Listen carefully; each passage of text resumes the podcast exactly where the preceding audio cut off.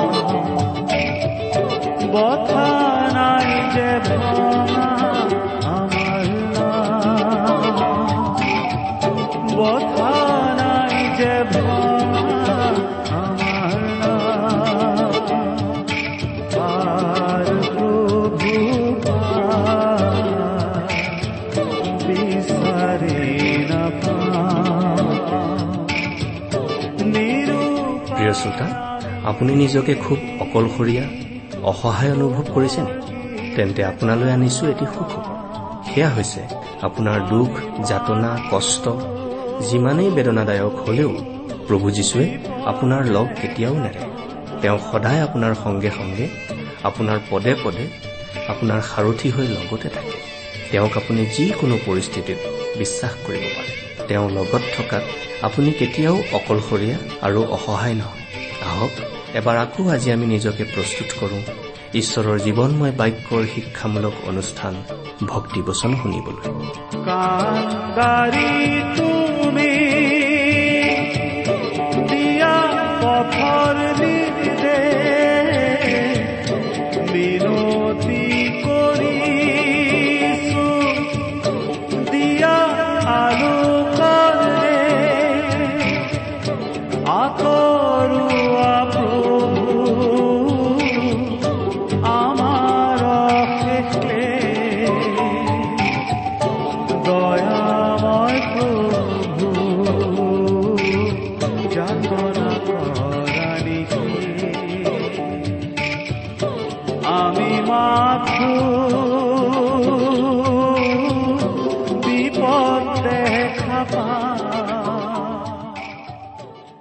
আমাৰ পৰম পবিত্ৰ প্ৰভু যীশুখ্ৰীষ্টৰ নামত নমস্কাৰ প্ৰিয় শ্ৰোতা। আশা কৰো মহান পিতা পৰমেশ্বৰৰ মহান অনুগ্ৰহত আপুনি ভালে কুশলে আছে। আচলতে এই পৃথিৱীত যে আমি জীয়াই আছো আমাৰ জীৱনৰ প্ৰতিটো পলৰ বাবে আমি আমাৰ সৃষ্টিকৰ্তা ঈশ্বৰক ধন্যবাদ দিব লাগে। কিন্তু এই জীৱনৰ সিপাৰে যি অনন্ত জীৱন আছে সেই অনন্ত জীৱন যেন আমি স্বৰ্গত কটাব পাৰো তাৰ ব্যৱস্থা যে ঈশ্বৰে কৰিলে সেইবাবেহে আমি ঈশ্বৰক অধিককৈ ধন্যবাদ দিব লাগে নহয় জানো? ঈশ্বৰৰ সেই ব্যৱস্থাৰ কথা আমি তেওঁৰ মহান বাক্য বাইবেল শাস্ত্ৰত পাওঁ। সেই বাইবেল শাস্ত্ৰৰ কথাবোৰ সহজ সৰলভাৱে অধ্যয়ন কৰাৰ চেষ্টা আমি এই অনুষ্ঠানৰ যোগেৰে কৰি আহিছো। আশা কৰো আপুনি আমাৰ এই অনুষ্ঠান নিয়মিতভাৱে শুনি আছে। শুনি কেনে পাইছে? কিবা প্ৰকাৰে উপকৃত হৈছেনে বাৰু? অনুগ্ৰহ কৰি আমালৈ লিখি পঠিয়াওকচোন। আপোনালোকৰ পৰা চিঠি পত্ৰ পাবলৈ আমি আশাৰে বাট চাই থাকো। অনুগ্ৰহ কৰি আজি এই দুষাৰিমান লিখি পঠিয়াওকচোন। আহকচোন আজিৰ বাইবেল অধ্যয়ন আৰম্ভ কৰাৰ আগতে খন্তেক প্ৰাৰ্থনাত মূৰ দুৱাওঁ। আমি প্ৰাৰ্থনা কৰো স্বৰ্গত থকা অসীম দয়ালু কৰোণাময় পিতা তোমাৰ তুলনা নাই। তোমাৰ প্ৰেম তোমাৰ কৰুণা তোমাৰ অনুগ্ৰহৰ কথা আমি বৰ্ণনা কৰি শেষ কৰিব নোৱাৰো। প্ৰভু যীশুৰ যোগেদি তুমি আমালৈ যি অনুগ্ৰহ দেখুৱালা তাৰ বাবে তোমাক অশেষ ধন্যবাদ পিতা। এতিয়া আমি তোমাৰ মহান বাক্য বাইবেল শাস্ত্ৰ অধ্যয়ন কৰিবলৈ আগবাঢ়িছো। তোমাৰ বাক্য তুমিয়েই আমাক বুজাই দিয়া পিতা। এই অনুষ্ঠানৰ আৰম্ভণিৰ পৰা শেষলৈকে তুমিয়েই আমাৰ চলাওঁতা হোৱা। অনুষ্ঠান শুনি থকা প্ৰতিজন শ্ৰোতাৰ জীৱনত তোমাৰ মহান অনুগ্ৰহৰ আশীৰ্বাদ প্ৰকাশ পাই উঠিবলৈ দিয়া। তেওঁলোকৰ জীৱন সৰ্বাংগ সুন্দৰ কৰি তোলা। কিয়নো এই প্ৰাৰ্থনা আমাৰ মহান ত্ৰাণকৰ্তা প্ৰভু যীশুখ্ৰীষ্টৰ নামত আগবঢ়ালো। আহমেন প্ৰিয় শ্ৰোতা আমি আজি কিছুদিন ধৰি বাইবেলৰ পুৰণি নিয়ম খণ্ডৰ হিতুপদেশ নামৰ পুস্তকখন অধ্যয়ন কৰি আছো নহয় জানো? আৰু এই হিতুপদেশ পুস্তকৰ একত্ৰিশটা অধ্যায়ৰ ভিতৰত একৈশ নম্বৰ অধ্যায়টো এটা বৰ সুন্দৰ আৰু গুৰুত্বপূৰ্ণ অধ্যায়। এই অধ্যায়টোৰ প্ৰথম পদটোতেই এটা বৰ গভীৰ কথা কোৱা হৈছে। পদটো পাঠ কৰিছো শুনকচোন। ৰজাৰ মন জিহুৱাৰ হাতত পানীৰ নলাৰ নিচিনা।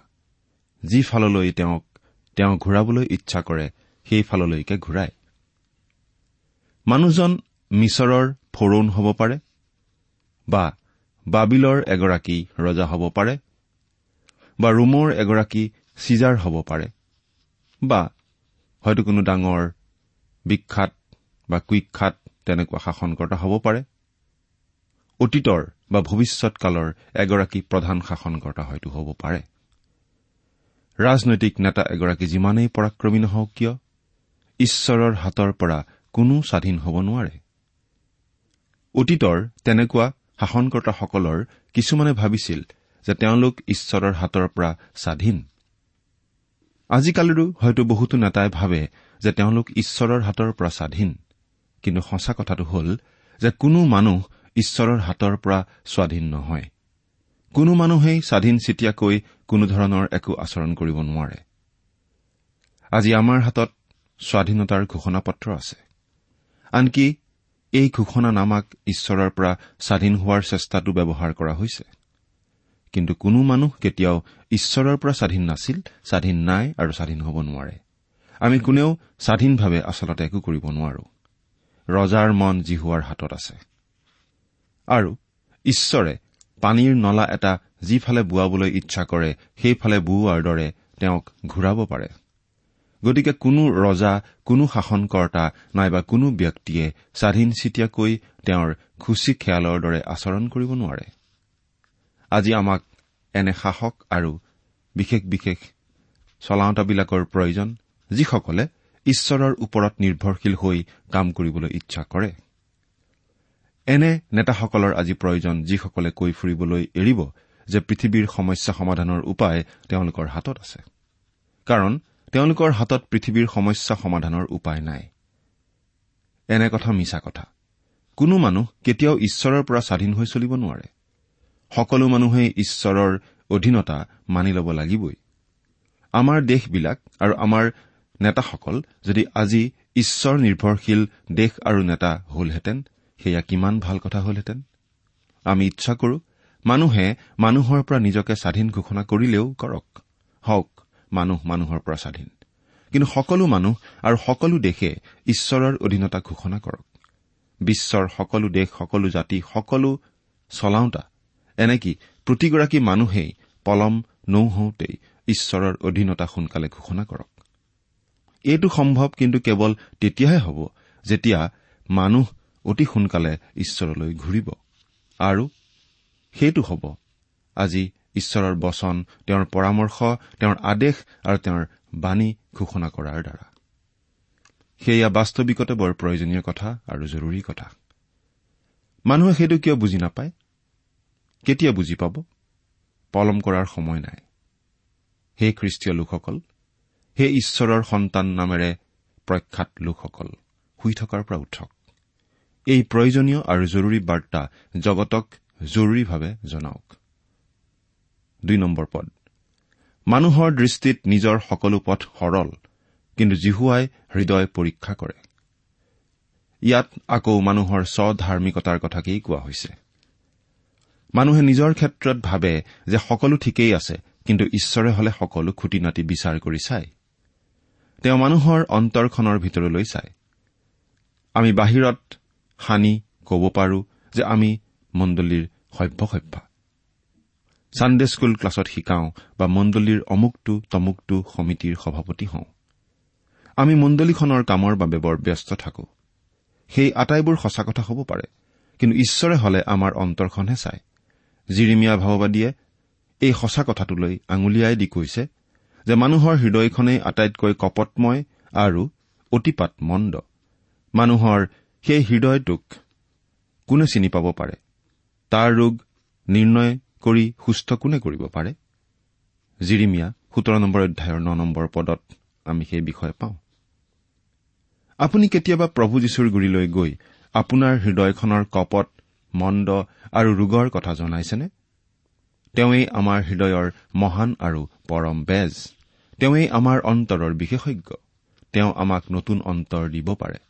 অন্তৰ সংযোজন কৰা কামটো কেৱল তেওঁহে কৰিব পাৰে। আন কোনেও নোৱাৰে। সদায় ঈশ্বৰৰ বাধ্য হৈ চলিব পৰা অন্তৰ এখন কেৱল তেওঁহে দিব পাৰে। তিনি নম্বৰ পদ বলিদানতকৈ ধাৰ্মিকতা আৰু ন্যায় কাৰ্য জিহুৱাৰ গ্ৰহণীয়। কেৱল ধৰ্মীয় ৰীতি নীতি পালনৰ দ্বাৰাই যে ঈশ্বৰক সন্তুষ্ট কৰা নাযায় এই পদেই আমাক পুনৰ সোঁৱৰায় পুৰণি নিয়মত বলিদানসমূহ আগবঢ়োৱা হৈছিল কাৰণ সেইবোৰে যীশুখ্ৰীষ্টলৈকেই আঙুলিয়াই দেখুৱাইছিল।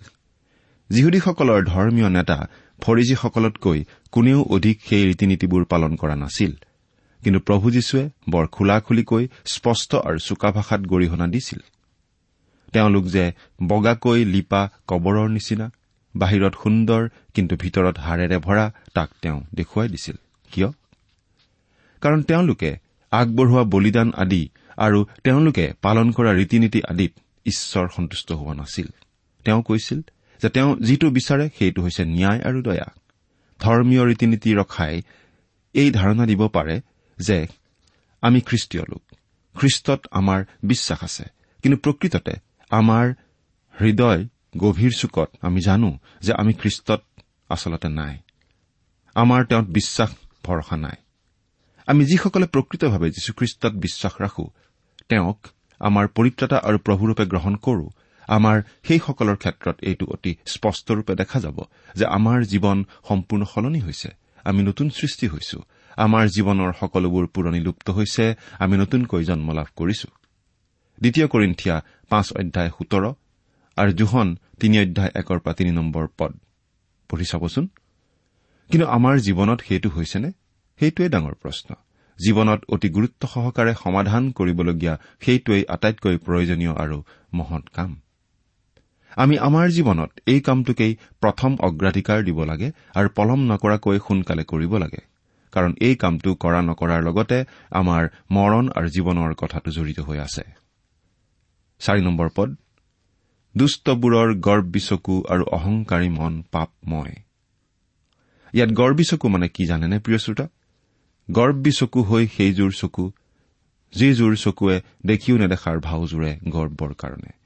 গৰ্বী চকু মানে সেইযোৰ চকু যিযোৰ চকুৰে চায়ো মাতবোল নকৰে দেখা মানুহজনক হেয়জ্ঞান কৰে। গৰ্বী চকু মানে সেইযোৰ চকু যিযোৰ চকুৱে চাওতাজনক লেতেৰা বস্তুলৈ চোৱাৰ দৰে চায়। মদ খাই মাতাল হোৱা যিমান পাপ গৰ্বী চকুৰে চোৱাও সিমানেই পাপ। মনৰ অহংকাৰ আৰু গৰ্বী চকু যাৰ আছে তেওঁলোকৰ পৰা নিৰাপদ দূৰত্বত থকাই ভাল কাৰণ এনে মানুহৰ পৰা আপুনি হেয় জ্ঞান লাজ অপমান মনোঘাত নিৰাশা আৰু মন্দ চিন্তাৰ বাহিৰে একো আশা কৰিব নোৱাৰে। মন্দ চিন্তা বুলি কৈছো কাৰণ এবাৰ এগৰাকী যুৱকে কৈছিল যে এজন মানুহে এদিন তেওঁলৈ বহু মানুহৰ মাজতে এনেকৈ চাইছিল যেন তেওঁৰ গৰ্বী চকুযোৰে কৈছিল তোৰ নাম নাজানোৰে যুৱকজনে হেনো তেওঁৰ সোঁহাতখন মুঠি মাৰি লৈছিলেই। তেওঁৰ হেনো এই বুলি কৈ মানুহজনৰ মুখত এটা ঘোচা সোধাই দাঁত দুটামান শৰাই দিয়াৰ ইচ্ছা হৈছিল। ঐ কোন বাপেৰক সেইদৰে চাইছ? চাব নাজানো যদি চকু দুটা ফুটাই লবি। কিন্তু ঈশ্বৰৰ সন্তান হোৱাৰ বাবে ঈশ্বৰৰ আত্মাই তেওঁক ধৈৰ্য দান কৰিছিল। নহলে সেই মন্দ চিন্তাটো আহিছিলেই। পাঁচ নম্বৰ পদৰ পৰা সাত নম্বৰ পদ পঢ়িছো। পৰিশ্ৰমী লোকৰ চিন্তাই কেৱল লাভহে জন্মায় কিন্তু খৰ কৰোতাই কেৱল দৰিদ্ৰতালৈ খৰ কৰে। মিছলীয়া জীৱাৰ দ্বাৰাই অৰ্জা ধন সম্পত্তি উৰুৱাই নিয়া ভাপৰ নিচিনা। যিবিলাকে তাক বিচাৰে তেওঁবিলাকে মৃত্যু বিচাৰে। দুষ্টবোৰৰ অত্যাচাৰে সিহঁতক সংহাৰ কৰে কিয়নো সিহঁতে ন্যায়ত চলিবলৈ সন্মত নহয়। প্ৰিয় শ্ৰোতা ধনীমানী হোৱাত কোনো পাপ নাই। ধন টকা পইচাও পাপ নহয়। কিন্তু সেই ধন সম্পত্তি কেনেকৈ গোটোৱা হয় সেইটোহে আচল কথা। সেই ধন সম্পত্তিৰ প্ৰতি যিটো লোভ সেইটোহে পাপ। বাইবেলে সেইটোহে কৈছে। প্ৰথম তিমঠীয় ছয় নম্বৰ অধ্যায়ৰ ন নম্বৰ পদ। মানুহে মনত ৰখা উচিত যে মানুহে টকাৰে কাম কৰিব নোৱাৰে। সেয়ে তাকে সংগ্ৰহ কৰিবলৈকো অন্যায় পন্থা তেওঁ ল'ব নালাগে।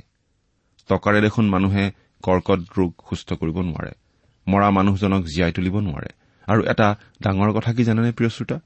সকলো সময়ত সকলো পৰিস্থিতিত টকাটোৱেই মানুহৰ প্ৰয়োজনীয় বস্তু নহয়। আমাৰ হাতত এটা খবৰ আছে। তাত কোৱা হৈছে যে যুদ্ধত প্ৰাণহানি হোৱা বীৰ সেনা এজনৰ ভাৰ্যাৰ হাতত পৰিয়াল ভৰণ পোষণৰ নামত দুই লাখ টকাৰ এটা চেক তুলি দিয়া হৈছিল। বিকট চিঞৰ মাৰি চেকখন দুটুকুৰকৈ ছিঙি দলিয়াই পেলাই দি তেওঁ কৈছিল মোক টকা নালাগে মোৰ ঘৰত টকা আছে পোনাকনৰ দেউতাককহে মোক লাগে। আচলতে পোনাকনৰ দেউতাকক হেৰুৱাই উদং হোৱা বুকুখনক টকাই পূৰ্ণ কৰিব নোৱাৰে সেইটো সঁচা কথা। আকৌ শুনক এখন দেশত মৰুভূমিৰ মাজেৰে যাত্ৰা কৰা পথহাৰা যাত্ৰীক এজনে ভোক আৰু পিয়াহত দুটামান ৰুটি আৰু দুঘোটমান পানীলৈ বৰ হাবিয়াস কৰিছিল। হঠাতে তেওঁ মৰুভূমিৰ মাজত কোনো যাত্ৰীয়ে হেৰুৱাই থৈ যোৱা টোপোলা এটা দেখিলে। খোৱা বস্তু আছে বুলি ততাতৈয়াকৈ টোপোলাটো খুলি আকৌ জোৰকৈ চিঞৰি মাটিত পেলাই দি কলে এয়া সোণ ৰূপৰহে টোপোলা। খোৱা বস্তু নাই। প্ৰিয় শ্ৰোতা সোণ ধন ব্যৱহাৰৰ নিমিত্তে গোটাওক। কিন্তু সোণ ধন আপোনাৰ জীৱনৰ দেৱতা নহওক। এই সোণ ধন ন্যায়েৰে গোটাওক। ইয়াৰে আনকো সহায় কৰক। কিন্তু সাৱধান। ধন লোভত পৰি আপুনি পতিত নহব। ঈশ্বৰৰ পৰা আপুনি আঁতৰি নাযাব। আঠ আৰু ন নম্বৰ পদ দুটা পঢ়িছো। দুখ ভাৰ বহন কৰা লোকৰ পথ অতিশয় বেকা। কিন্তু সূচী লোকৰ হলে কৰ্ম সৰল। দন্দুৰি তিৰোতাই সৈতে ডাঙৰ ঘৰত বাস কৰাতকৈ ছালৰ এচুকত থকাই ভাল। এয়া আকৌ আমি আমাৰ আচৰণৰ দ্বাৰাই নিজক প্ৰকাশ কৰাৰ কথাকে পাইছো। আমাৰ আচৰণেই কয় আমি কোন। আমাৰ কৰ্মফলৰ দ্বাৰাই আমাক চিনা যায় আমি কোন। এই বিষয়ে আমি পাওঁ মুঠিয়ে লিখা শুভবাৰ্তা সাত নম্বৰ অধ্যায়ৰ বিশ নম্বৰ পদত। দন্দুৰি তিৰোতাৰ কথানো কি ক'ম? এই ক্ষেত্ৰত যিসকলে পৰম বস্তু নাপাই গৰম বস্তু পাইছে তেওঁলোকে বৰ হিংসাৰ চকুৰে ঘৰৰ ছালৰ এচুকৰ সেই ঘৰ চিৰিকাটোলৈ নাইবা সেই জেঠীটোলৈ চায় আৰু দেখে যে তেওঁ গৰমজনীৰ লগত এই আহল বহল বিশাল ঘৰটোত যিটো মানসিক অৱস্থালৈ আছে তাতকৈ ঘৰ চিৰিকা বা সেই জেঠীটো ঘৰৰ এচুকত বৰ শান্তিৰে আছে। এই দুখময় অৱস্থালৈ বিশাল অট্টালিকাত থকাতকৈ জেঠীৰ দৰে ঘৰৰ এচুকত শান্তিৰে থকাটো ভাল। ঘৰৰ শান্তিৰ কথাটো কেৱল স্বামী বা কেৱল ভাৰ্যাৰ ওপৰত নাই। স্বামী আৰু ভাৰ্যা দুয়োৰো লগতে আছে। এজন মদপীৰ কথা ক'ব খুজিছো। তেওঁ অকল মদপীয়েই নাছিল মাতাল হৈ মাৰ পিত ভীতি প্ৰদৰ্শন কৰাৰ লগতে এনেকি চোৰ কামতো লিপ্ত হৈছিল আৰু বাৰে বাৰে আৰক্ষীৰ হাতত পৰি কাৰাগাৰৰ ভাত খাবলৈ গৈছিল। মদপী মাৰপিট কৰোতা বা চোৰ কাৰ্যত লিপ্ত থাকিলেও তেওঁ মানুহ। তেওঁৰো মানুহৰ অন্তৰ এখন আছিল। তেওঁ এদিন আমাৰ তন্দ্ৰা ভাঙি কৈছিল মহাশয়সকল মোৰ মানুহজনী যদি কেনেবাকৈ আপোনালোকৰ কোনো এজনৰ ভাৰ্যা হলহেঁতেন আপুনিও শান্তিৰ পম খেদি খেদি মোৰ পন্থাকেই ললেহেঁতেন। কাৰাগাৰতেই শান্তি পাওঁ। ইয়াত মেঘৰ গাজনি নাই নাই ঢৌ নাই ধুমুহা। কিন্তু কাৰাগাৰলৈ মই নিজে আহিব নোৱাৰো আহিলেও থাকিবলৈ নিদিব। সেয়েহে মই এই পন্থা লৈছো। মাৰ পিত ভীতি প্ৰদৰ্শন আৰু চুৰ কৰি ময়োতো শান্তি নাপাওঁ। কিন্তু মনৰ শান্তি বিচাৰিয়েই সেইবোৰ বাহ্যিক আৰু কৃত্ৰিম অশান্তিৰ সৃষ্টি কৰো। আমি মন কৰিছিলো যে সেইখিনি কথা কওঁতে মানুহজনৰ মন থকা সেই মানুহজনৰ চকুহাল চলচলীয়া হৈছিল। তাৰ পাছতে তেওঁ নিমাত হৈ পৰিছিল কিন্তু কেৱল ভাৰ্যাক লৈয়ে ঘৰখনত অশান্তি নহয়। ঘৈণীয়েকক লৈ ইউব আৰু চৌলৰ জীয়েকক ভাৰ্যাৰূপে লৈ ডায়ুদৰ যেনেকৈ ঘৰখনত অশান্তি হৈছিল মূৰ্খ গিৰিয়েক নাবলক লৈ অতি জ্ঞানী আৰু শান্তিপ্ৰিয় ভাৰ্যা অবিগলৰ ঘৰত ডাঙৰ অশান্তি হৈছিল। শান্তিৰ আকৰ আৰু শান্তিৰ ৰজা যীশুখ্ৰীষ্ট যদি ঘৰখনৰ শান্তিৰাজ হয় আৰু তেওঁ স্থাপন কৰা শান্তিত যদি স্বামী আৰু ভাৰ্যা দুয়ো সহযোগ কৰে তেন্তে সেইখন ঘৰতহে শান্তি অটুট থাকে। দুষ্টৰ মনে অনিষ্ট বাঞ্ছা কৰে আৰু তেওঁৰ ওচৰ চুবুৰীয়াই তেওঁৰ পৰা কৃপা নাপায়। এঠাইত এবাৰ দেখিছিলো কেৱল এঘৰই মানুহ আছিল আন মানুহ তেওঁৰ ওচৰত আহি নথকাৰ কাৰণ কি হ'ব পাৰে তাকে সুধি জানিছিলো যে ঘৰৰ পিতা পুত্ৰ চাকৰ নাকৰ আটাইবিলাকেই বৰ অত্যাচাৰী আছিল। সেই মানুহঘৰে ওচৰ চুবুৰীয়াৰ বৰ অনিষ্ট সাধন কৰে। আগতে যি দুই এঘৰ আছিল তেওঁলোকো ঘৰ মাটি বিক্ৰী কৰি কৰবালৈ গুচি গৈছে। আপুনি তেনে মানুহ দেখিছেনে? আমি তেনে মানুহ তেওঁকেই প্ৰথম দেখিছো আৰু দ্বিতীয়জন দেখা পাবলৈ ইচ্ছা নকৰো। এঘাৰ নম্বৰ পদ। নিন্দকক দণ্ড দিলে নিৰ্বোধ জ্ঞানী হয়। আৰু জ্ঞানীক শিক্ষা দিলে তেওঁ আৰু জ্ঞান লাভ কৰে। এই ঊনৈশ নম্বৰ অধ্যায়ৰ একৈশ নম্বৰ পদৰ কথাৰ সৈতে একেই কথা ইয়াত লিখা হৈছে। গতিকে ব্যাখ্যাৰ পুনৰুক্তিৰ প্ৰয়োজন নাই। তেৰ নম্বৰ পদ যিজনে দৰিদ্ৰৰ কাটৰোক্তিলৈ কাণত সোপা দিয়ে সিও চিঞৰিব কিন্তু তাক শুনা নাযাব। এইটো সঁচা। আমাৰ বৰ্তমান সমাজতো এইটো দেখা যায়। চৈধ্য নম্বৰ পদ গুপুত উপহাৰে খং শান্ত কৰে আৰু বুকুত থকা ভেটিয়ে প্ৰচণ্ড ক্ৰোধ ক্ষান্ত কৰে। আপোনালোকৰ নিশ্চয় মনত পৰিব যে জাকুবে হাৰণৰ পৰা ককায়েক এচৰ গুৰিলৈ ঘূৰি যাওঁতে নিজে প্ৰথমে নগৈ ককায়েকলৈ বহু উপহাৰ আদি পঠাই ককায়েকৰ অন্তৰ ক্ষান্ত কৰিছিল। আমাৰ মাজতো সেইটো বৰ সচৰাচৰৰূপে চলি থাকে। এতিয়া পোন্ধৰ আৰু ষোল্ল নম্বৰ পদ দুটা পঢ়িছো। ন্যায় বিচাৰ কৰা ধাৰ্মিকৰ পক্ষে আনন্দ কিন্তু কুকৰ্মীহঁতৰ পক্ষে সৰ্বনাশ। যি মানুহে সুবিবেচনাৰ পথ এৰি ভ্ৰমণ কৰে তেওঁ মৃতবিলাকৰ সমাজত থাকিব। কিছুমান শিক্ষকে ভাবে যে কুকৰ্মী আৰু অপৰাধী লোকৰ বাবে যে কোনো পুনৰ সংস্থাপন থাকিব নালাগে তাকেই বাইবেলে এনেদৰে কৈছে। বৰং এওঁলোকক লাগিব পৰিৱৰ্তিত জীৱন নতুন জীৱন। এই মানুহবিলাকক ঈশ্বৰৰ বচন দিব লাগে। অপৰাধীসকল য'ত থাকে তালৈ গৈ আমি শুভবাৰ্তা দিব লাগে। এই বাইবেল শিক্ষকসকলে ভাবে যে অপৰাধীহঁতক পুনৰ সংস্থাপন দিও লাভ নাই। কাৰণ এওঁলোকক য'তে পুনৰ সংস্থাপন দিয়া হয় ততে এওঁলোকে যে পুনৰ অপৰাধমূলক কাম নকৰিব তাক কোনে কব? গতিকে তেওঁলোকক পুনৰ সংস্থাপন দি প্ৰশমিত কৰিব খোজাটো ভুল কাম হ'ব।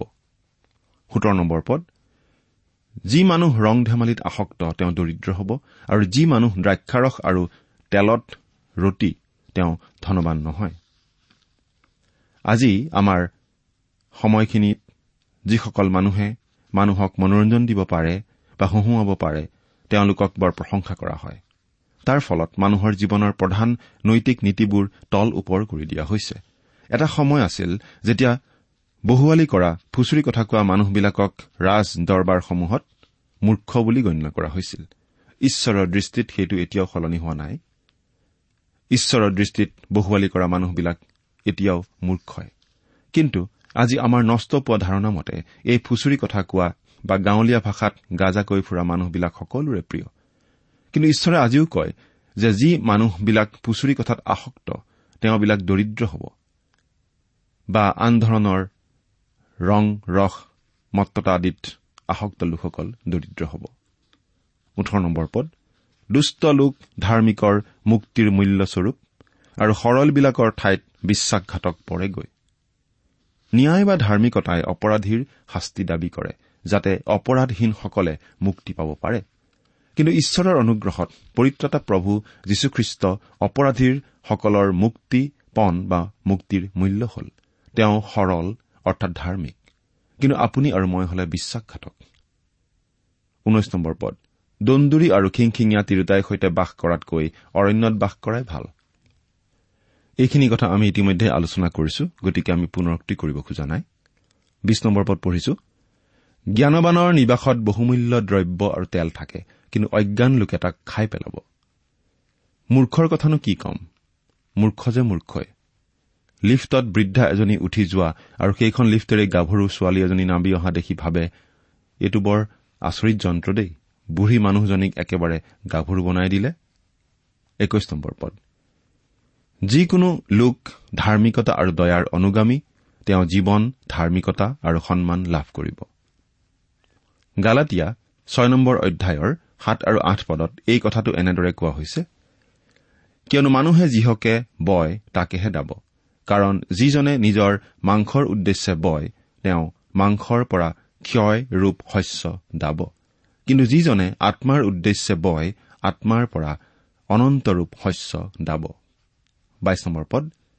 জ্ঞানী লোকে গড় পাৰ হৈ বীৰবিলাকৰ নগৰত প্ৰৱেশ কৰে আৰু সিহঁতৰ বিশ্বাসৰ দৃঢ় কোঠ নিপাত কৰে। বীৰবিলাকৰ শক্তিতকৈ জ্ঞান শ্ৰেষ্ঠ। সেই কথাকে আচলতে ইয়াত কোৱা হৈছে। এই পদটোত এই কথাটোকেই কৈছে যে বীৰবিলাকৰ শক্তিতকৈ জ্ঞান উত্তম আৰু প্ৰকৃত জ্ঞান আচলতে আমি প্ৰভু যীশুখ্ৰীষ্টতহে পাব পাৰোঁ। তেইছ নম্বৰ পদ। যিকোনোৱে নিজৰ মুখ আৰু জীৱা চম্ভালি ৰাখে। তেওঁ সংকটৰ পৰা নিজৰ প্ৰাণ ৰক্ষা কৰে। সিটোপদেশ দিওঁতাজনে ইয়াৰ আগতেও কৈ আহিছে যে আপোনাৰ যদি বন্ধুৰ প্ৰয়োজন আছে আপুনি নিজেও বন্ধুত্বপূৰ্ণ হৈ দেখুৱাব পাৰিব লাগিব। আৰু সেয়াই যদি হয় তেন্তে আপুনি নিশ্চয় কথা বতৰা পাতিব লাগিব। কিন্তু কথা পাতোতে আপুনি কি কৈছে সেইটোলৈ মন কৰিব। অহংকাৰত উফন্দা লোক নিন্দক বুলি প্ৰখ্যাত হয়। সি অহংকাৰেৰে লোকক হেয়জ্ঞান কৰি কাৰ্য কৰে। হিতুপদেশ পুস্তকত বিশেষভাৱে দুটা বিষয় বাৰে বাৰে উল্লেখ কৰা হৈছে। মন কৰিছেনে? এটা হৈছে জীৱাৰ ব্যৱহাৰ আৰু অপব্যৱহাৰ আৰু দ্বিতীয়টো হৈছে গৰ্ব বা অহংকাৰ। পঁচিছ এলেহুৱাৰ নিজৰ ইচ্ছাই তাৰ প্ৰাণ নষ্ট কৰে কিয়নো তাৰ হাত কাম কৰিবলৈ অসন্মত। এলাহৰ বিৰুদ্ধেও আমাক বাৰে বাৰে এনেদৰে সকীয়াই দিয়া হৈছে। ছাব্বিছ নম্বৰ পদ। কোনো কোনোৱে ওৰে দিনটো লোভ কৰি থাকে কিন্তু ধাৰ্মিক লোকে দান কৰে আটক নকৰে। অৰ্থাৎ নিজলৈ বুলি বস্তু আটক কৰি ৰখাটো ঈশ্বৰৰ দৃষ্টিত অপৰাধ। আনক দান কৰিলে ঈশ্বৰ সন্তুষ্ট হয়। সাতাইছ নম্বৰ পদটো পঢ়ি দিছো। দুষ্টবোৰৰ বলিদান ঘীনলগীয়া। তেন্তে দুষ্ট মনেৰে তাক আনিলে সি আৰু কিমান ঘীনলগীয়া হয়? এৰা কথাটো চিন্তা কৰি চাওকচোন। দুষ্টবোৰৰ বলিদানেই ঘীনলগীয়া। তাকেই আকৌ যদি দুষ্ট মনেৰে আনে তেন্তে আৰু অধিক ঘীনলগীয়া হয়। আঠাইছ নম্বৰ পদ আৰু ঊনত্ৰিশ নম্বৰ পদ একেলগে পঢ়ি দিছো। মিছা সাক্ষী নষ্ট হ'ব কিন্তু যিকোনোৱে শুনে তেওঁ কথা কবলৈ বাধা নাপাব। দুষ্ট লোকে নিৰ্ভয় মুখ দেখুৱায় কিন্তু সৰল লোকে হলে নিজ গতি স্থিৰ কৰে। প্ৰিয় শ্ৰোতা প্ৰভু যীশুখ্ৰীষ্টৰ বিচাৰৰ বেলিকা মিছা সাক্ষীসকলে তেওঁৰ অহিতে মিছা সাক্ষ্য দিছিল। তেওঁলোকৰ মাজৰে আপুনিও এজন হবলৈ বেয়া নাপালেহেঁতেননে? মুঠতে মিছা সাক্ষী দিয়াৰ বিৰুদ্ধে আমাক ইয়াত স্পষ্টৰূপে সকীয়াই দিয়া হৈছে। ত্ৰিশ আৰু একত্ৰিশ পদ পঢ়ি শেষ কৰিম। জিহুৱাৰ বিৰুদ্ধে জয়কাৰী প্ৰজ্ঞা বুদ্ধি কিম্বা পৰামৰ্শ একোৱেই নাই। যুঁজ দিনৰ নিমিত্তে ঘোঁৰা সজোৱা হয় কিন্তু জয় জিহুৱাৰ পৰাহে হয়। এৰা। প্ৰিয় শ্ৰোতা আমাৰ জীৱনত জয় বিচাৰিবলৈ হলে একমাত্ৰ ঈশ্বৰতেই ভৰসা ৰাখিব লাগে। ঈশ্বৰে আপোনাক আশীৰ্বাদ কৰক। আমেন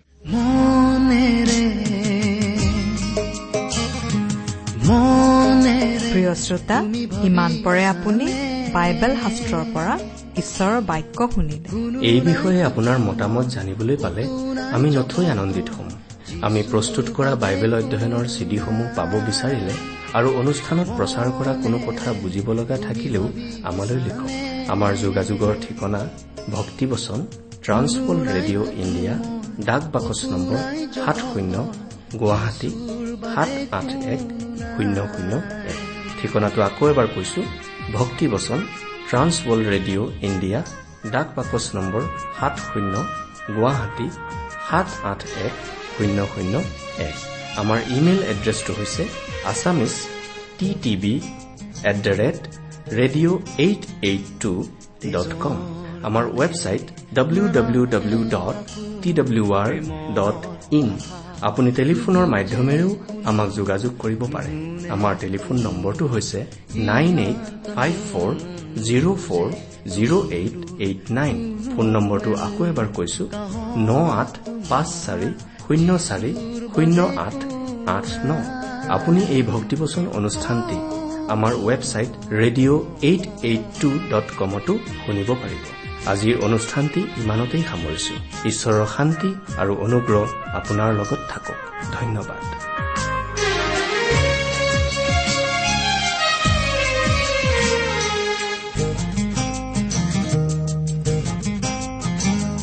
লাগে যদি অহাৰে ভৰা পৰিপূৰ্ণ জীৱন কথা যিচুৰ তেজে দিয়ে পূৰ্ণতা যিচুৰ কথাই চকুলো মুছে।